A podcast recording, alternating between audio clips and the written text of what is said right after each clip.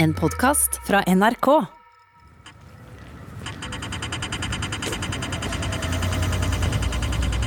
Når du går ute på gaten, så ser du kanskje en trikk full av folk, et kjærestepar som kysser, et fjell, eller du lukter kanskje nybakte boller fra det lokale bakeriet. Hva har alt dette til felles? Ett ord og uendelige muligheter. Atomer. Uansett hvordan vi lever, hvor vi lever, hva vi gjør eller hvordan vi har det, er det atomer som står bak. Det å forstå atomer handler derfor om å forstå oss sjøl og verden rundt oss. Det å erkjenne livet, døden Men det aller sykeste av alt er at kroppen din lever evig. For å skjønne sammenhengen så skal jeg gi deg svaret på et veldig enkelt spørsmål. Hva er atomet?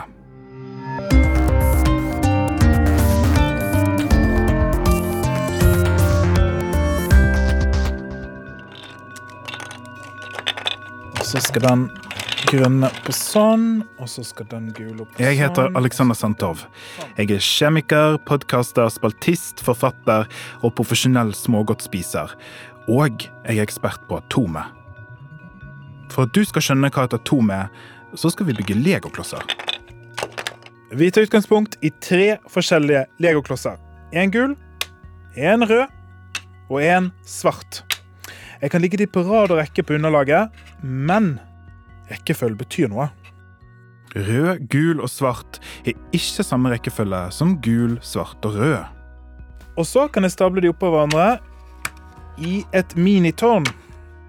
Med bare tre ulike klosser får jeg mange små byggverk som alle er unike. Men hvordan henger atomer og legoklosser sammen, spør du? Mer om det snart.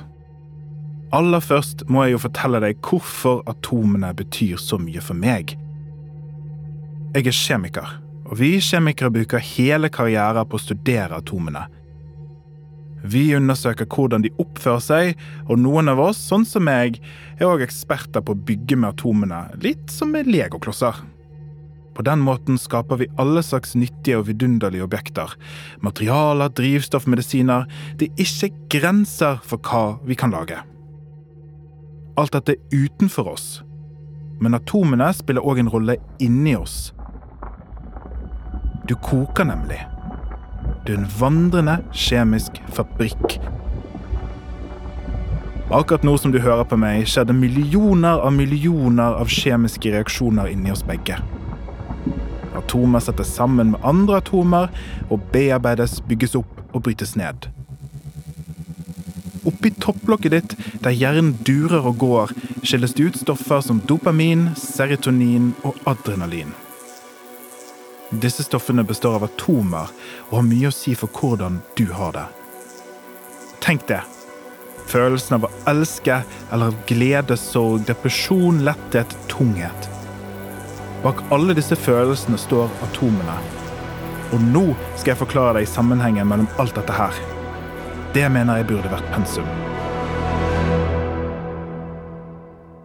Aller først må jeg forklare deg hva et atom er, og da må du bli med meg på forelesning. Jeg gruer meg skikkelig til det her, fordi det er veldig vanskelig å forklare hva et atom egentlig er. Det er liksom så mystisk. Du er ikke alene hvis du synes dette er vanskelig. Hei, du på gaten. Vet du hva et atom er? Nei, Jesus Christ. Jeg vet det, jeg aner ikke. Atom, ja det er et uh, godt spørsmål, men det er vel uh, et natur, naturråstoff. Jeg er ikke helt sikker. Ja, det er noe sånn der naturfagsgreier. Molekylgreier. Nei, jeg er ikke noe god på sånt.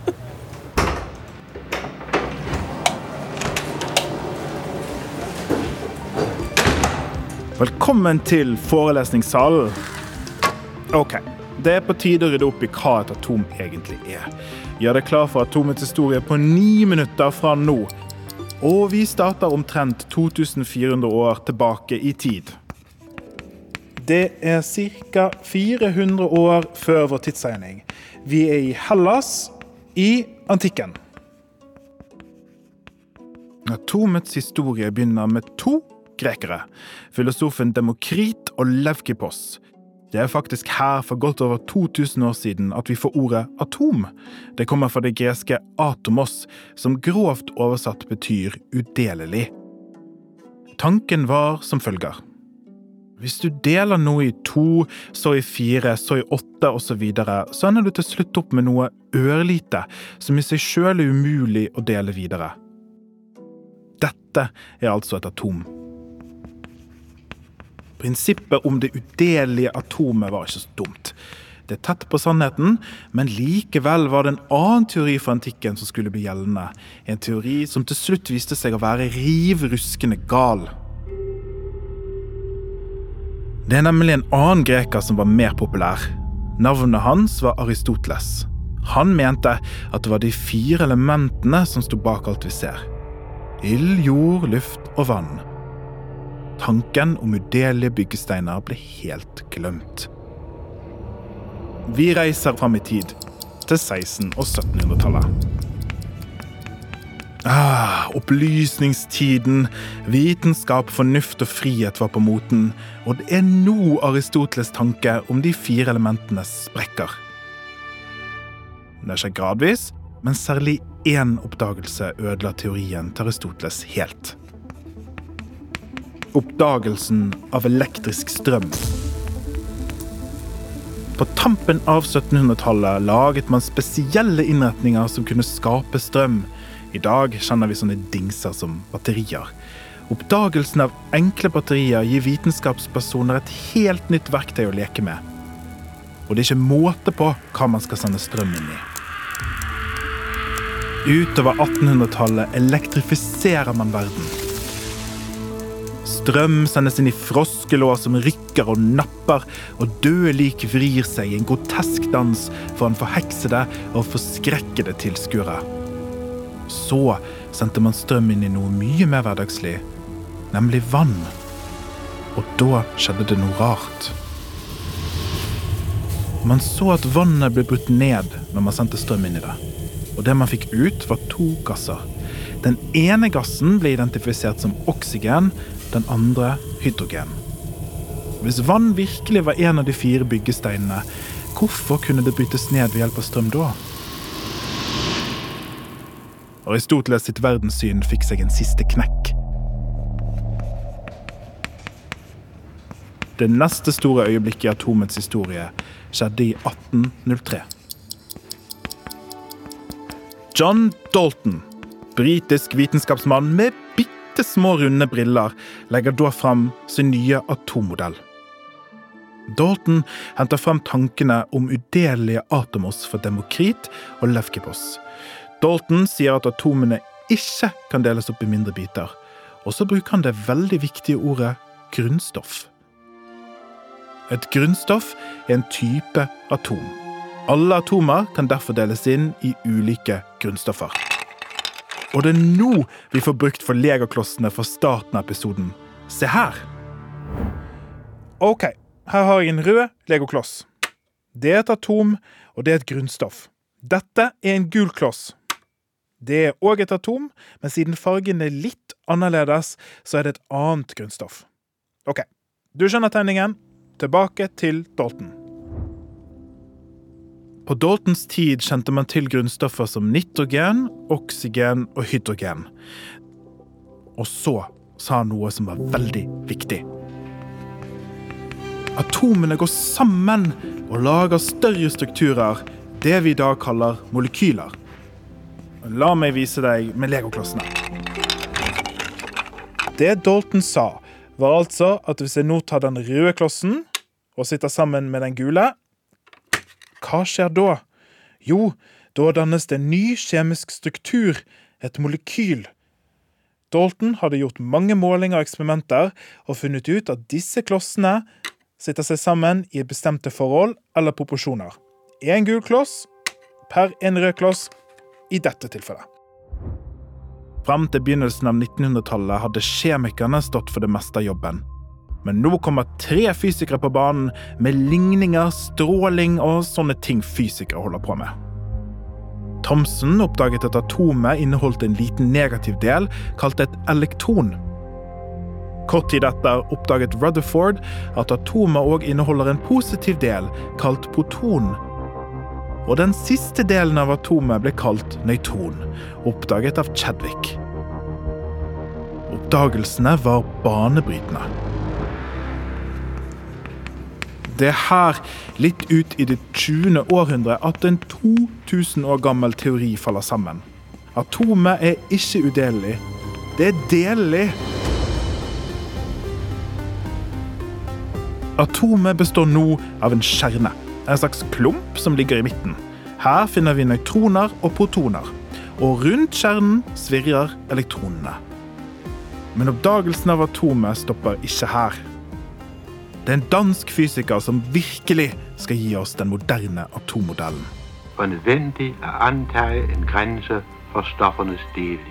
Nils Bohr foreslår en modell for atomet som du garantert har sett før. Atomkjernen er i midten, og elektronene svirrer rundt kjernen i baner. Doktor Bohr sier at disse elektronene bare kan sveve i bestemte baner rundt kjernen. Nils Bohrs atommodell fungerer bra for hydrogenatomet, det minste og enkleste atomet, men det er tydelig at det må flere justeringer til for å finne en modell som passer for alle atomer. Og det kommer. I 1926 presenterer den østerrikske fysikeren og nobelprisvinneren Erwin Schrødinger matematiske ligninger som gir oss et oppdatert bilde av atomet. Kjernen er der fortsatt, men istedenfor at elektronene svever rundt i baner, er de mer som en tåke som ligger rundt kjernen. Hvorfor er det sånn, spør du? Det skal jeg komme tilbake til. Uansett, sånn ender vi opp med modellen av atomet som vi bruker den dag i dag. En kjerne med protoner og nøytroner, elektronene utenfor kjernen smurt utover i en tåke. Hvordan ser det egentlig ut, disse atomene? Det finnes et enkelt og et vanskelig svar på det. Det enkle svaret først. De ser ut som kuler. Etter hvert som atomene får flere protoner, blir de òg større og tyngre. Men formen av de er alltid lik. Mindre kuler eller større kuler.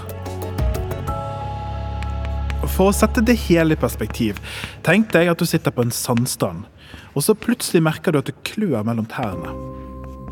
Der ser du at det ligger ett sandkorn og gnisser. Et eneste sandkorn inneholder omtrent 7,8 ganger 10 i 19 atomer. Dvs. Si 78 med 18 nuller bak. Som du skjønner, snakker vi så små størrelser at det nesten er umulig å forholde seg til. Der er forelesningen over. Nå skjønner du forhåpentligvis hva et atom er. Det neste du må forstå for å skjønne den store sammenhengen her i verden, er grunnstoffer. Det skal jeg fortelle deg mer om nå. Det er tid for quiz!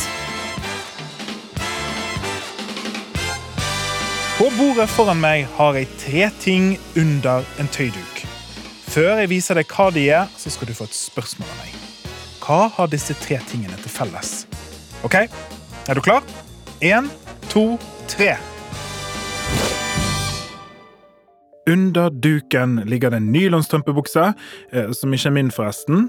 En omelett, mm, jeg som er litt småsulten, og et par blader med grønnkål. Du, vi kan like godt gjøre det til fire ting. Den fjerde tingen er meg. Så hva har vi til felles? Du husker jo at grunnstoffer er ulike typer atomer. Disse fire tingene består alle i stor grad av fire grunnstoffer. Karbon, hydrogen, nitrogen og oksygen. På en måte er du derfor i slekt med nylonstrømpene.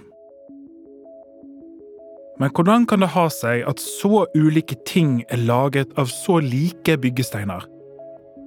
For å skjønne hvordan det hele henger sammen, må vi se nærmere på disse grunnstoffene. Det finnes 118 grunnstoffer. Det er antall protoner, altså de partiklene som finnes i kjernen, som bestemmer hvilket grunnstoff vi har. Antall protoner varierer fra grunnstoff til grunnstoff. Det enkleste er hydrogen, med kun ett proton. Legotid. Her. Denne svarte legoklossen er karbon. Denne blå er nitrogen. Og denne hvite er oksygen. Og denne grå er hydrogen. Bygger de på en bestemt måte, og har jeg mange nok klosser, så blir det nylonstrømpe. Ta-da!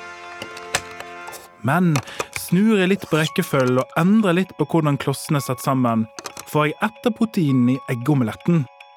Spør vi på én kloss til fosfor, så kan vi lage kanskje det mest komplekse og viktigste molekylet på hele jordkloden. DNA, arvestoffet, altså meg.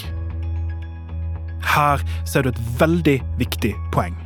Med nok legoklosser kan vi skape ufattelig kompleksitet, selv om vi bare har et veldig begrenset antall byggesteiner eller grunnstoffer.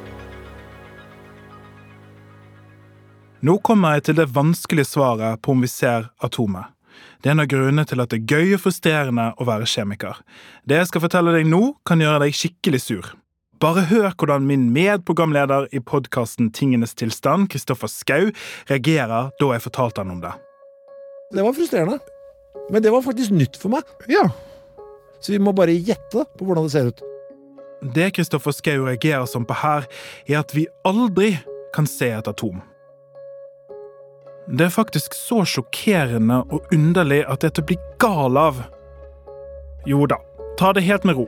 Vi sier fortsatt at atomene kuler, men problemet oppstår når vi prøver å få et skarpt bilde av de. Spillereglene for ørsmå ting er nemlig annerledes enn for store ting. Jeg skal bare ha denne kyllingsbollen. 25. Vil du ha kvitteringen på det? Nei takk, det går bra. Ha det. Jeg skal forklare hva jeg mener med denne skillingsbollen. Det ble en skillingsbolle fordi jeg er sulten og elsker boller, men det kunne like godt ha vært en fotball eller en klinkekule eller noe helt annet. Se for deg at du holder skillingsbollen i hånden din. Se nøye på den. Det er ikke tvil om hvor grensene på bollen befinner seg. Det høres banalt ut, men det jeg mener er at bollen begynner et sted og slutter et annet sted, og det er ikke noe imellom der. Det er ingen gradvis tilstand der vi går fra ingenting til bolle, et slags gråområde der vi er usikre på om det finnes eller ikke finnes boller. Akkurat sånn er det her i den verden vi bor i, den makroskopiske verden. Makro betyr stor, og regler for den store verden er godt kjent for oss fordi vi bor tross alt her. På mikroskopisk nivå, der vi finner ørsmå objekter som atomer, er reglene annerledes. Ta elektroner, for eksempel. Det er jo en tåke rundt kjernen i atomer, har vi lært. Men problemet oppstår fordi elektroner er jo to ting samtidig. Det er en partikkel, altså et legeme, som en tennisball eller en skillingsbolle. Men så er det òg en bølge. Hvordan kan noe være både en partikkel og en bølge, spør du? Ja, det var nettopp det, da. Ingenting her i vår verden ligner, fordi her hos oss er ting enten partikkel eller bølge, men ikke begge to samtidig. Dette leder oss til et utsagn av Werner Heisenberg. Han var en tysk fysiker og nobelprisvinner. I 1927 publiserte han det som ble kjent som Heisenbergs usikkerhetsprinsipp. Sitter du? For dette er skikkelig vilt. Prinsippet går ut på at det ikke er mulig å si helt sikkert hvor et elektron befinner seg. Eller den synker litt. Siden vi ikke kan si med 100% sikkerhet hvor et elektron befinner seg, kommer vi aldri til å ta eller se et helt tydelig bilde av et atom. Vi har fått mer og mer presis teknologi, og senest i januar 2018 kom det et nytt bilde av atomer med den høyeste oppløsningen noensinne. Men uansett hvor nært vi kommer, vil alltid grensene rundt atomet være utydelige. Det er fordi at elektronene som svirrer rundt der og lager den ytre kanten av atomet, ikke kan observeres med absolutt sikkerhet. La oss gjøre noe sammen. Ved mindre du kjører bil eller står midt i middagslagingen, vil jeg at du kikker rundt deg. Hva ser du? se nøye. Akkurat nå er du omringet av utallige mengder atomer. Ikke bare det, men du er sjøl en stor klump med atomer. Du, fantastiske du, den eneste grunnen til at du lever, og til at du kan høre en overentusiastisk bergenser tyte om atomer i en halvtime, er fordi disse atomene inni deg er strukturert og ordnet i molekyler som alle samarbeider. Forstår du sammenhengen litt mer nå? Hvordan atomene er alt liv? Og enda har jeg ikke fortalt deg det aller mest fascinerende. Men før det må jeg snakke litt om hvordan atomene både kan ødelegge og redde oss i framtiden. I moderne tid har vi begynt å bygge med de aller minste byggeklossene, nemlig atomene. Det kan bli katastrofalt.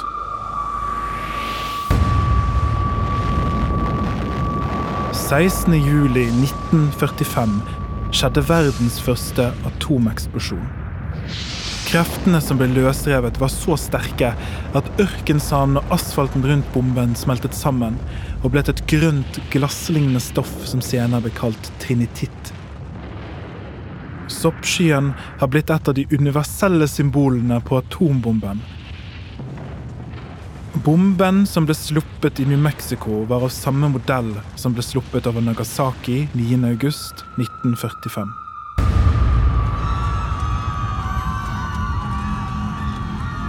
Grusomhetene ved Hiroshima og Nagasaki endret verden, og flyttet ordet atom fra nerdete vitenskapelige diskusjoner inn i ord som gir oss gåsehud. Atomkrig, atombombe, atomvinter. Atomene og kreftene som bor i de, er verken gode eller onde. De er verktøy, og det er opp til oss mennesker hvordan vi utnytter de. Vår evne til å bygge med atomene er helt nødvendig for å sikre vår overlevelse. Her er tre korte eksempler på hvordan vi kan bruke atomer for å redde verden. 1. Ny antibiotika. Her må vi sette sammen riktige atomer for å få nye medisiner som verden skriker etter. 2. Hva skal det nye bærekraftige drivstoffet være? For å finne ut av det må vi sette sammen atomer, kanskje til og med på helt nye måter. Tre nye plasttyper som kan resirkuleres, og som brytes ned i naturen til ikke-farlige deler. Vi må sette atomer sammen på nye måter.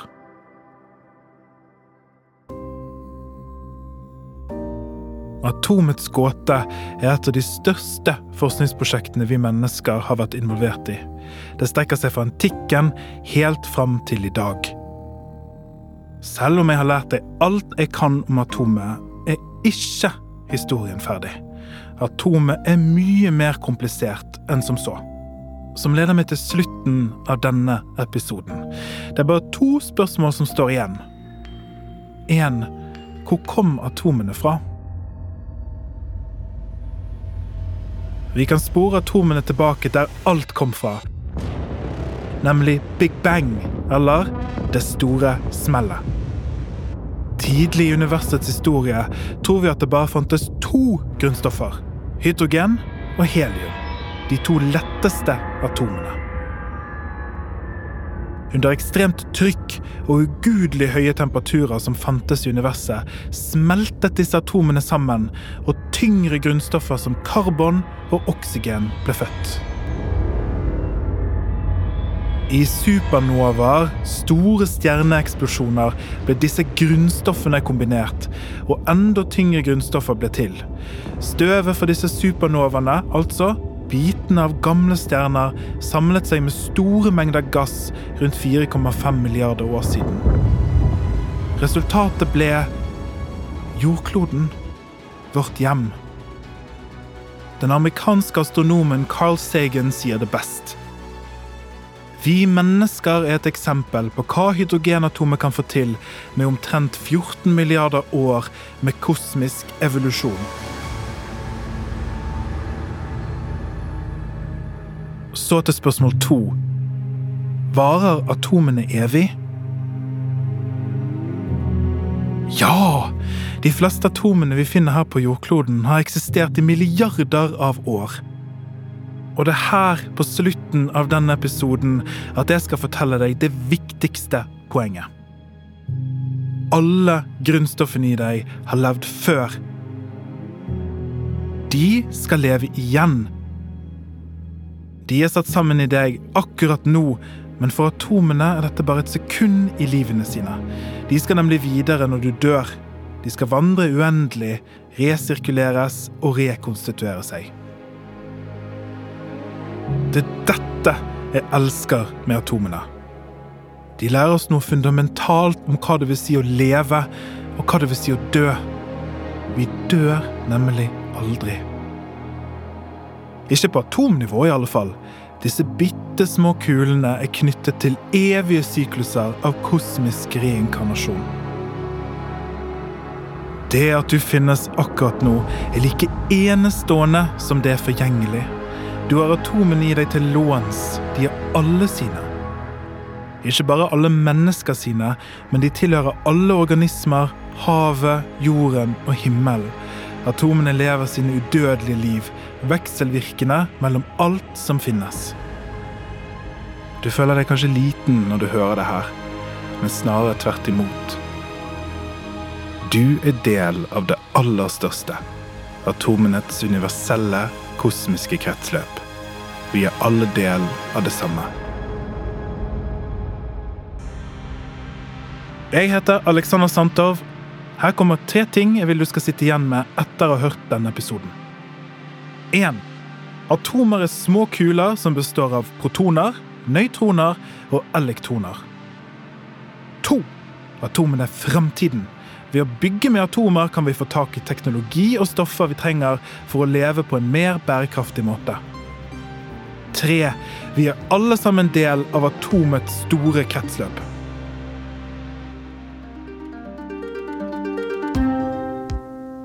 Har du lyst til å høre om flere temaer som burde vært pensum? Følg Burde vært pensum i appen NRK Radio. Burde vært pensum er laget av Lyder Produksjoner for NRK. Produsent Christian Marstrander. Research Sigrid Jølstad. Lyddesign ved Sondre Myrhol. Musikken er laget av Halvard Hagen og Jens Petter Nilsen. Og ansvarlig redaktør fra NRK Ole Jan Larsen.